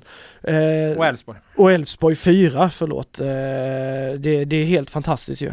Så fyra riktiga i alla topplag har vi i, i, i västfotbollen och det är så otroligt kul. Fem med damerna. Ja, nu, vi, bara, vi, ja, vi bara öser på här ju. Ja men det är ju så, det är ju fem till och med. Ja, Hur går det- för division Ja exakt, ja. Nej men eh, vi får stanna här nu, fan vi kan inte det och rota. Nej men det är ju fem, det är ju liksom Blåvitt och ÖIS som inte är i någon slags topp, det är ju fantastiskt ju. Eh, men jag tycker Gais är en femma och motiverade som sådan att, att man glömmer bort det bara för att det är Gais eh, att de är liksom en storklubb i Superettan sådär. Men de kommer ju också som nykomling upp och gör det här. Ja. Eh, och de är också en femma för mig för att även om Utsikten har gjort det eh, ännu bättre poängmässigt, Västerås är för dem i tabellen, så tycker jag de är överlägsna när det kommer till spelmässigt eh, prestation över tid i Superettan den här våren. Jag har inte sett guys spela fotboll så här bra över tid. Eh, sen jag kom till GP 2016, jag har ändå följt en del superettan innan. Jag vill hävda att Gais har inte spelat så här bra fotboll sen Axén gjorde succé och Gais blev femma Ja. i allsvenskan och, och var bäst i stan. Eh, det är så otroligt kul att titta på det här laget, precis som Häcken. Alltså de är lite superettans Häcken. Vi pratar om att Åberg, Julius Lindberg, Gustav Lundgren är lite Häckens eh, motsvarighet till, eller Gais motsvarighet till Häckens mittfält. Eh, jag tycker de är, de, de har också ingredienser som är väldigt lika med varandra. Den här extremt höga pressen, intensiteten, de skapar så otroligt mycket målchanser, hittar lösningar, alltså nej, så eh, för mig, och egentligen så är det, det är två insatser som har varit lite svaga av de här, eh, vad är det, 11 eller 12 matcherna vi har spelat. Och det är de två derbyna. Mot Utsikten, då lyckas de ändå komma därifrån med tre poäng. Mot ÖIS så gör de ju en ganska slät figur faktiskt. Eh, Mm. kanske säger något, eh, eh, passar inte riktigt i de här fysiska derbyduellerna, eh, för det har varit två väldigt fysiska derbyn där ÖIS smällde på också, Utsikten smällde på också, Gais haft lite svårt att stå upp där. Men som nu Sundsvall och Örebro, liksom de försöker spela här och liksom ska luckra sig ur de två senaste omgångarna, de har ju blivit mördade av, av det här Gais-laget. Så nej, för mig är det, den är faktiskt ganska, ganska solklar den, eh, liksom man ligger också trea allsvensk kval uppåt. Nej, för mig är det 5-4 ganska glasklart faktiskt. jag en, en femma där då, eh, är, med tanke på den roliga fotbollen eh, Gais spelar som ju kanske inte Utsikten gör på samma sätt. eh, Är, är Bosko eh, vårens tränare i Superettan eller är det Fidde Holmberg? Det kan du få svara på Joel. eh, om du har någon åsikt om det. Ja men eh, alltså, vi, jag håller med om att, om att guys eh, vår är 5-4, det, det håller jag med om, framförallt när du lägger upp det så. Eh, men vi pratade ändå inför säsongen om att, och du gjorde det Filip också, att guys ändå var ett eh, liksom, topp 6-lag i, i Superettan, sett till spelartrupp och kvalitet och förra säsongen och allt det här. Ja, vad de hade visat Eh, liksom. Ja, Mm. precis. Eh, men utsikten, jag menar, vi, vi var ju bottentippat liksom. Mm. Att de leder, de leder ändå med fem poäng, guys ligger ändå trea. Så att det är ju ingen tvekan om att Bosko är vårens eh, tränare i Han Superettan. var ju vårens man i hela jävla Göteborg i fjol, i fjol redan Bosko. Nu är han Ja. tillbaka på tronen igen Ja, efter han en är- skakig ja, höst. ja. Ja, nej men det, och det instämmer jag i. Fidde, Mm. eh, fantastisk Ja. fotboll eh, och, och, och jag vill hävda att Bosko är vårens man även med Tellin och Högmo och alla inräknade. Alltså för. Ja, ja, släng in honom också. Du kan ta in hela fotbollssveriges... Nej men faktiskt, alltså helt allvarligt. Ja. Det är lilla ja. utsikten och de leder liksom superettan med marginal. Mm.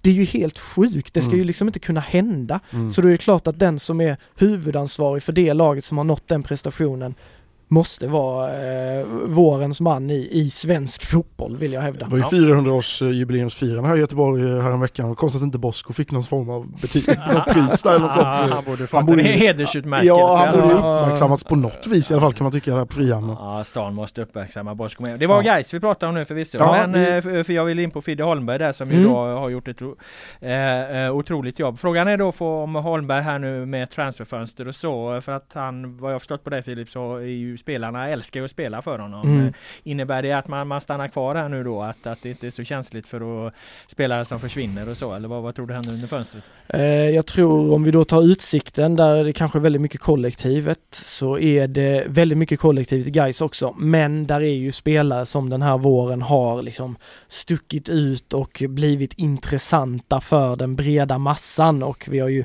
rapporterat mycket om intresset för Julius Lindberg som alltså stänger den här vårsäsongen på, på sex mål och fyra assist, 10 poäng på 12 matcher. Eh, det är ganska skapligt, har varit helt suverän. Han har ett utgående kontrakt, Jocke Åberg som har varit liksom eh, regissören bakom hela det här på mittfältet. Eh, han har ett utgående kontrakt. Vi har Filip Bäckman, eh, mittback som har gjort det helt fantastiskt. Går lite, eh, hört lite lösa rykten där om att det finns allsvenskt intresse för honom. Eh, och eh, det är många som är högvilt där. Eh, Gustav Lundgren, han är förvisso 28 år, men han har ju också gjort en helt brutal vår. Så eh, det kommer vara, det kommer vara tuffare här. Jag tror guys kommer få eh, slita för att behålla det här. Eh, eh Alltså det är ju en jättechans för allsvenska klubbar att, att fynda de här spelarna. Ja, men ja. sitter på utgående kontrakt. Alltså, mm. Du kan få Julius Lindberg för typ eh, två miljoner. Ja, alltså i princip. ja, ja, med så är det ju. utgående kontrakt. Liksom. Sen tycker jag Sköldmark var ju väldigt tydlig eh, gentemot eh, kollega Adam Fröberg som då eh, frågade om hur, hur de ser på Julius framtid. Eh, och han sa ju eh, någonting att det ska liksom till någon sjuk summa för att Gais ska släppa honom. Eh, och det, Ja. den är ju den är svår den balansen. Men hade jag varit Gais, eh, sen är frågan, jag tror att Julius ändå är en sån spelare som skulle kunna respektera ett sånt beslut. Det, det måste han ju på ett sätt i och med att han har kontrakt. Mm. Men det finns ju många spelare som då börjar låtsas vara agenter. Ja, precis. det. Det Ja. håller på. Men jag tror att han hade varit så lojal mot det här guys laget för han, han älskar ju också att spela under Fidde och jag tror att Fidde eh, och, och hela liksom Liksom stämningen och allt runt guys just nu är väldigt svårt att lämna även om du har lukrativa erbjudanden. Det är liksom holländska klubbar, italienska klubbar som varit och tittat på honom och det är allsvenska klubbar. Eh, men eh, jag, jag tror att, att eh, guys kommer inte släppa dem. Om, om det är liksom, de ser, de ser, alltså de alla Det är mycket ser. i potten Det är allsvensk. extremt mycket. De får inte en bättre chans än det här Nej. med det här laget att ta sig tillbaka.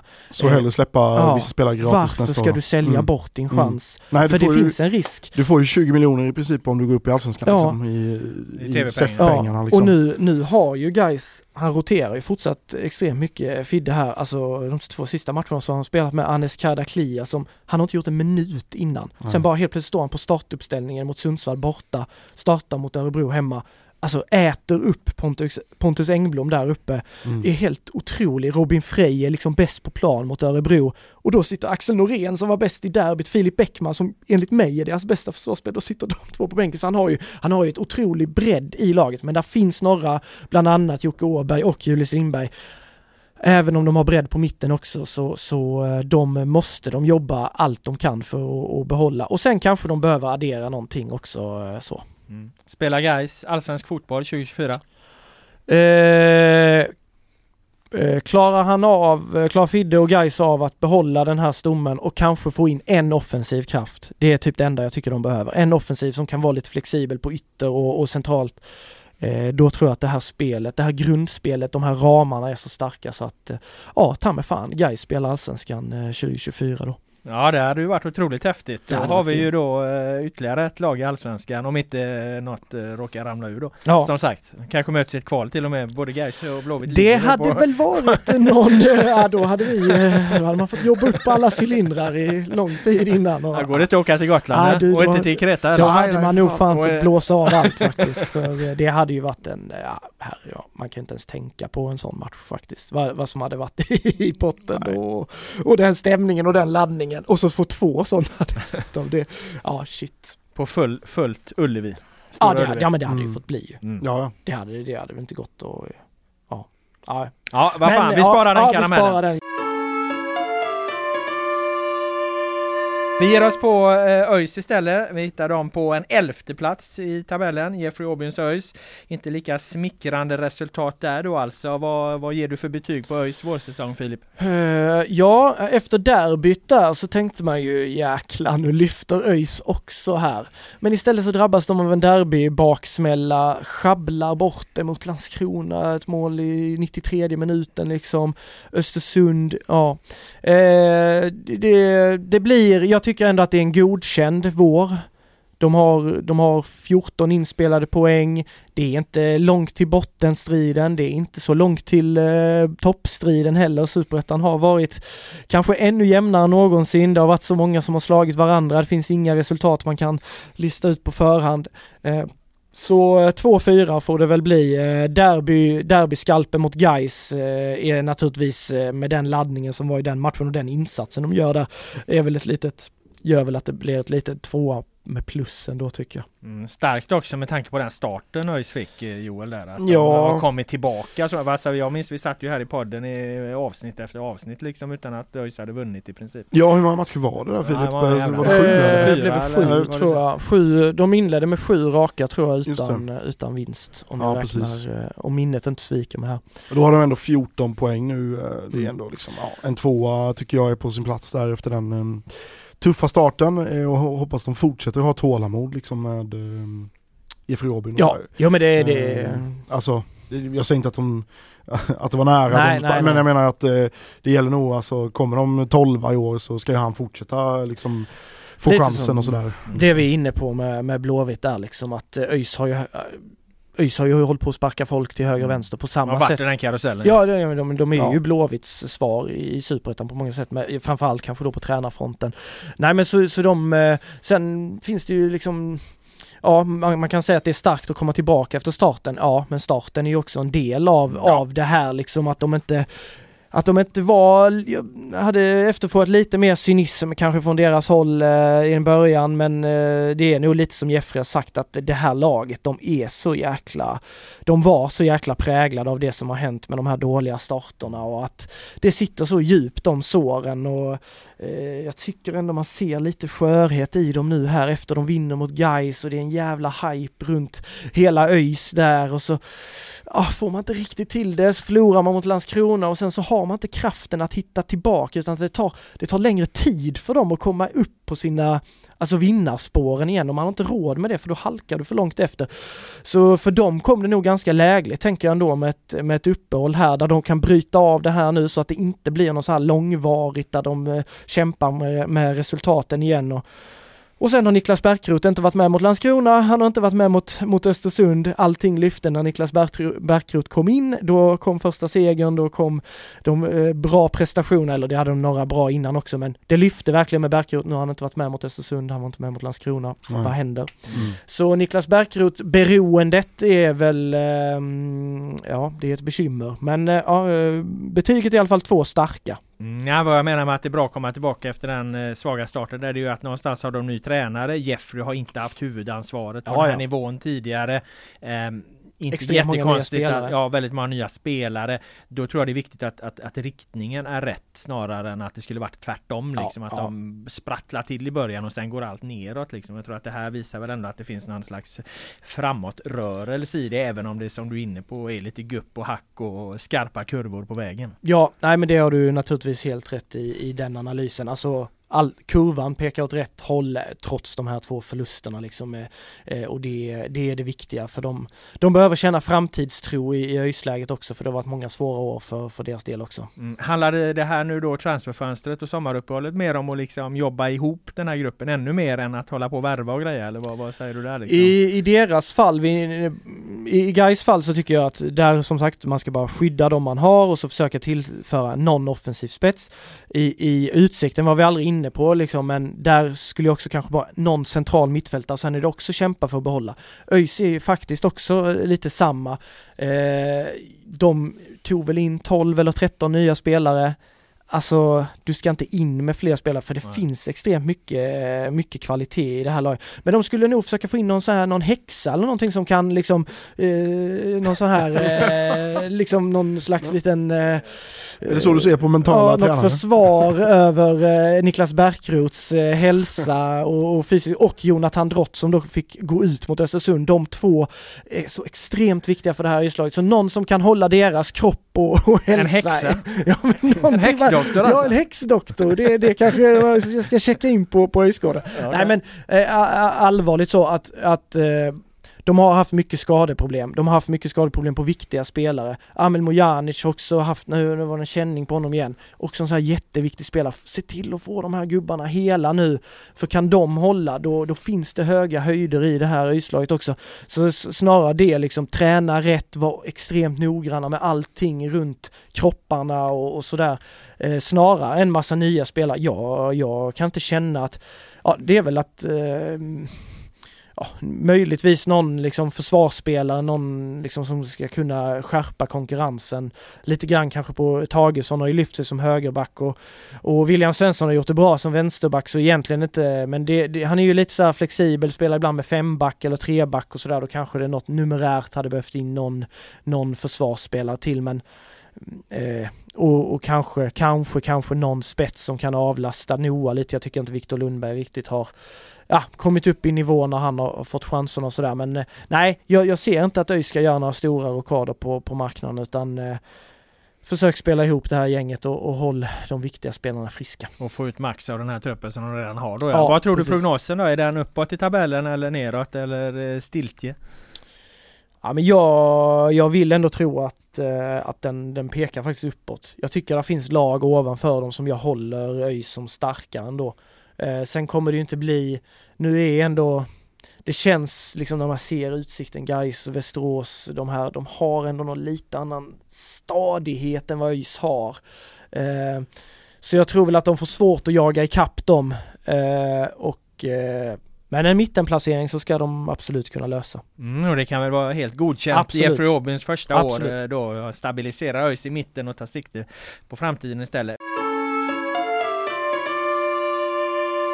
Det var faktiskt genomgången av våra eh, sex lag. Det blev ju en rejäl sådan. Vi har en sak kvar och det är eh, Svennisskalan och jag tänkte att vi får väl börja med, med, med Joel nu då. Du, Alltså- har inte, du har inte sagt så mycket ännu när, när Filip har gått igenom superettan från topp till botten. Ber om ursäkt. nej, nej, det är så välkommet så, men jag tänkte att vi får, får, får låta Joel växla upp här lite också. Ja men jag, jag vet fan om jag vill börja den här Alltså? veckan. Nej, jag, som så många gånger förr så har jag haft svårt med, med Svennisskalan. Ja, ja. För jag ser, bara, jag ser bara det dåliga hela tiden. Ja men då Eh, får men- ju Filip gå eh, vidare då för jag ja, måste ja. avsluta nämligen Ja, för att absolut. det, Ja, ja. det, det här eh, man, filmmanuset kräver att jag Jaha. avslutar så okej. att, Ja, jag, jag har ju inte tänkt ut något men nu jag bara tar det här Ja, på uppstuds. Du är Ja. bättre än det, Ja, än ja. på det än vad jag Jag har, eh, jag har eh, tre olika individer tar vi då. Mm. Bra, mycket bra, mycket, Ja, mycket bra. Du ja, har inte glömt ja. av vad det står för? Nej, det har jag. Ja, bra. Det kommer man aldrig göra så det, det kommer man ha med sig till den dagen man begravs höll jag på att säga. Men, ja.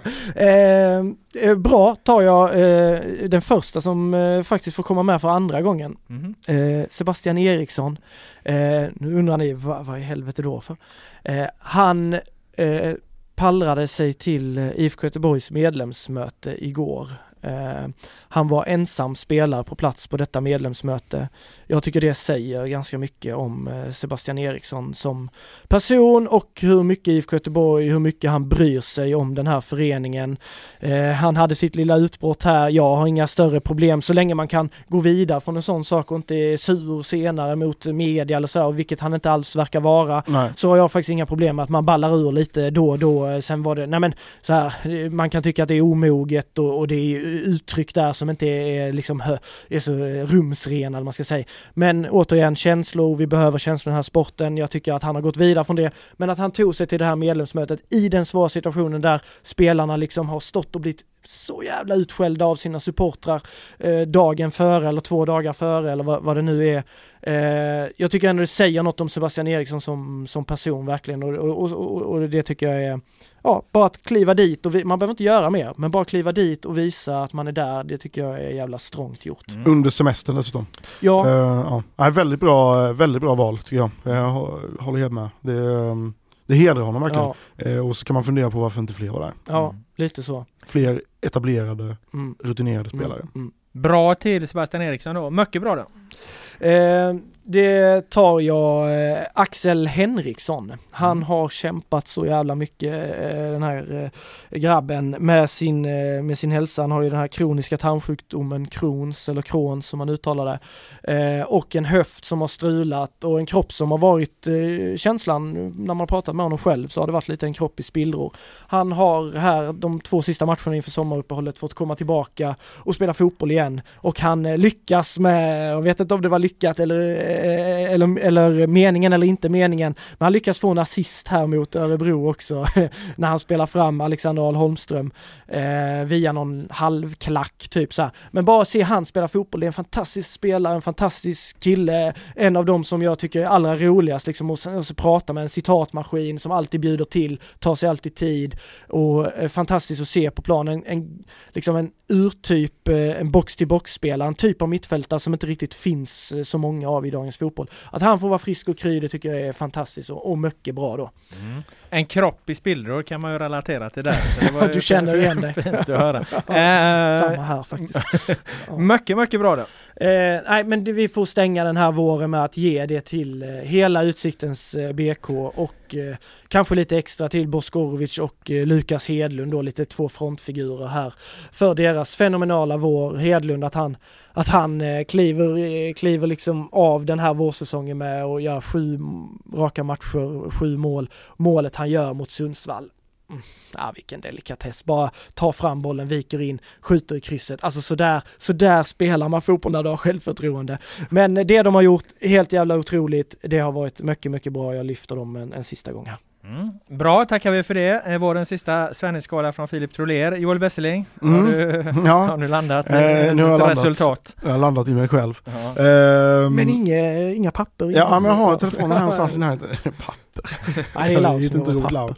Ehm, Bra, säger jag ändå så här. nu går vi in i sommaruppehåll. Vi har inte spelat halva eh, säsongen än, det är bara 12 omgångar ja, av Allsvenskan. Men om vi pratar Allsvenskan så måste jag säga att eh, läget just nu, tabelläget, eh, kittlar väldigt mycket. Du har inte bara Malmö, liksom Häcken och Elfsborg i toppen. Men du har ju liksom en, eh, en bottenstrid där två liksom storklubbar är inblandade och det tror jag kan bidra till ett jäkla intresse. Jag säger absolut inte att jag är glad eller skadeglad för liksom Blåvitt och AIK att de har hamnat i den här situationen. Men Det om det blir, det blir en bra produkt. Om det blir så att, som jag har varit inne lite på tidigare, att Malmö eh, kanske rycker lite under typ september och att guldstriden dör lite, då kan det ju bli så jäkla spännande med bottenstriden. För problemet är att en bottenstrid får aldrig riktigt det här superintresset om det är bara småklubbar med liksom. Så om något av AIK och Blåvitt är med i den här eh, bottenstriden så kan vi få en eh, väldigt spännande höst. Så att Ja. eh, som läget är nu så, fan, spännande. Mm, och med tanke på hur få poäng Blåvitt och AIK faktiskt har så lär Ja. de ju vara kvar där nere ett, ett Ja. bra tag och, och så. Ja men precis, exakt. Ja, det, är ju Mm. något, det är ju ett otroligt poängsnitt båda två måste Ja. hålla för Ja, att nå för de här 31 ja. poängen. Eller Vinna varannan match i snacka om, princip, liksom. eh, något sånt. Så det kommer bli svintufft. Så vi kan nog räkna med att de, eh, i alla fall någon av dem kommer vara, vara där nere och fightas. Mm. Eh, bra, eh, det var bra det ja. Eh, Mm. Mycket bra. Um, ja, men, eh, på Philips båda lite individnivå. Alltså jag, jag tycker, jag har pratat väldigt mycket den här våren om eh, Sebastian Holmén och Jakob Ondrejka och sådär och Kassem nu på senare tid. Men jag tycker att Johan Larsson har genomgått någon slags revival här under våren. Han, ehm, han hade det väldigt tufft i fjol eh, och eh, var inte bra. Alltså jag tyckte han var liksom svag direkt och så värvade de André Boman då som eh, ja det fanns ju en anledning till att de värvade André Boman. De såg Mm. nog det på sikt att eh, Ja. ge några omgångar här sen ska Larsson ersättas liksom. Och han har ju svarat på det på ett alldeles utmärkt sätt. Han har varit eh, jättebra. Jag tror han har gjort eh, fem poäng, liksom två mål och tre assist eh, på, på våren här. Och han har fortfarande problem eh, bakåt liksom. Eh, han hade problem med eh, Falenius i Djurgården. Han eh, var inte jätteglad när Tahali kom in mot Malmö FF och sådär. Så han, han, han har väldigt tufft mot snabba yttrar liksom. Men eh, offensivt och ledarmässigt så eh, har han gjort en eh, riktigt bra vår. Det är lite 2020-vibbar över Larsson igen här eh, nu. Och den såg jag inte komma. Han behövde någon som flåsade han i nacken Ja. då i form av Boman där. Ja, exakt. Ibland är det ju det som Ja. eh, krävs alltså. Ja. För att man ska hitta sin gamla nivå igen, för det är ju det det handlar om kanske lite Mm. liksom, med de här äldre spelarna. Mm. Ja, Eh, precis. Starkt. Mm. Mycket bra till Johan Larsson då och eh, mycket, mycket bra. Ja, ehm, fan här var det svårt alltså. Oj. Som vanligt eh, med, med, mycket, mycket bra. Men Du är Eh. ingen man av stora, Nej. stort beröm. nej, precis, exakt. Ehm, Gödslar du inte med onödan Besseling? Nej, eh, jag säger så här då att ehm, eh, man kan säga mycket om vad som har pågått. Nu har jag lite så här, eftersom att jag har varit på, på Friends och så i helgen. Mm. Man kan säga mycket om vad som har pågått i AIK med liksom eh, vandaliseringen på eh, eh, Eh, Karlberg, eh, deras träningsanläggning innan match mot Elfsborg. Scenerna på läktaren på Tele2 och sådär men eh, Alltså de ligger näst sist i Allsvenskan och det kommer ändå 20 000 eh, in, in, inför matchen, eller i en match mot Elfsborg liksom innan uppehållet och sådär. Och på uppvärmningen så var hela Norra Stå full, fullt och de sjöng och de sjöng och de sjöng liksom för att stötta det här laget. Ehm, bo, jag tycker man kan ge mycket, mycket bra till, till både AIK och Blåvitt faktiskt, för deras supportrar har ändå varit Generellt har de varit väldigt bra den här våren när det har gått tungt liksom. AIK har varit sämre. Eh, men jag tycker ändå att de kommer dit på uppvärmningen, det är fullt där liksom 45 minuter innan match, stöttar laget. Så de som gjorde det tycker jag förtjänar beröm. Sen är det man, andra rötägg som förtjänar eh, skit liksom. Men jag tycker man kan hålla två tankar i huvudet samtidigt. Eh, och likadant med Blåvitt, liksom, att det är många som har stöttat dem under den här tuffa perioden. Eh, och det är därför de finns där och det är därför de behövs. Inte för att stå och gapa och skrika och kräva allas huvuden och, och allt sånt där liksom. Mm. Eh, Det är så- helt sanslöst ju det här, alltså Blåvitt Mjällby också. Alltså fan, så hela nedre stå är liksom fullt Mm. i princip. Och, Mm. eh, hur de lyckas få folk till matcherna trots Ja. dåliga resultat är Ja, jävligt ja men precis, exakt. Så det får man ändå ha med oss efter den här våren tycker jag. Mm, bra, det var eh, Joel Besselings eh, eh, sista Svenneskala den här våren då. Då återstår bara min Svenneskala eh, och eh, då ska jag börja med att eh, hylla GPs journalistik den här våren. Eh, det är ju nämligen så att det inte är så jävla enkelt när fotbollslag eh, krisar hur man ska förhålla sig eh, till det.